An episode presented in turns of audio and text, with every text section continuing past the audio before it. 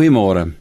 Ons lees met mekaar saam in hierdie week op die eerste bladsy van die Nuwe Testament, die geslagsregister van die Here Jesus. Matteus skrywe aan die Jode. Hy wil vir hulle verduidelik dat Jesus, die seun van God, langs die geslagsregister van koning Dawid, langs die geslagsregister van Jakob, langs die geslagsregister van Abraham, deur die geskiedenis van die Jode, deur die geskiedenis van die Ou Testament loop tot by Jesus.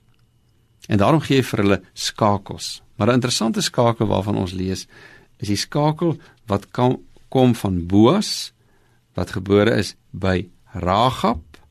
Boas, Ragab was 'n prostituut in die Ou Testament, lees ons van haar. En dan kom hy in Obed van Rut en Rut van Isaia en Isaia die vader van koning Dawid. Dit gaan hier oor Rut. Sy was 'n vreemdeling. Sy moet waarheid sê, daar's 'n boek in die Ou Testament wat oor haar gaan.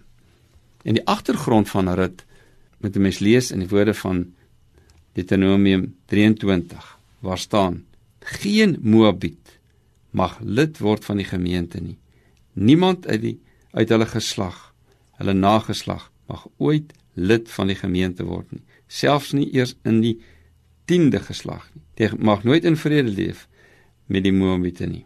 Die rede daarvoor is omdat terwyl Israel getrek het, daar vyandskap was met hulle.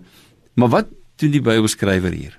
Hy verduidelik vir ons dat Rut 'n sleutel rol gespeel het. Hierdie vreemde vrou wat eintlik uitgesluit is van alles, word eintlik ingesluit in alles. En eintlik is dit die rede waarom dit hier staan.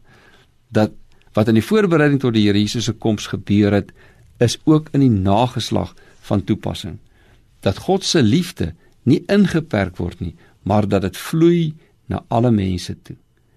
Dat dit brûe bou na mense wat soms buitekant staan. Mense wat soms as vreemdelinge, xenofobies eenkant toe gedruk word.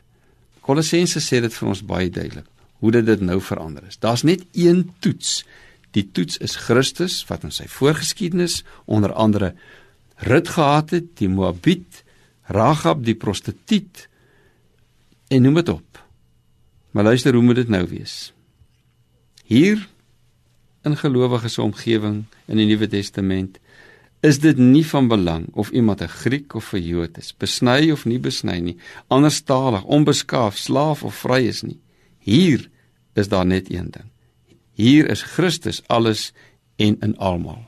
Wat 'n wonderlike wete om te weet Christus se voorbereiding na hierdie wêreld is ook in sy nageslag van toepassing.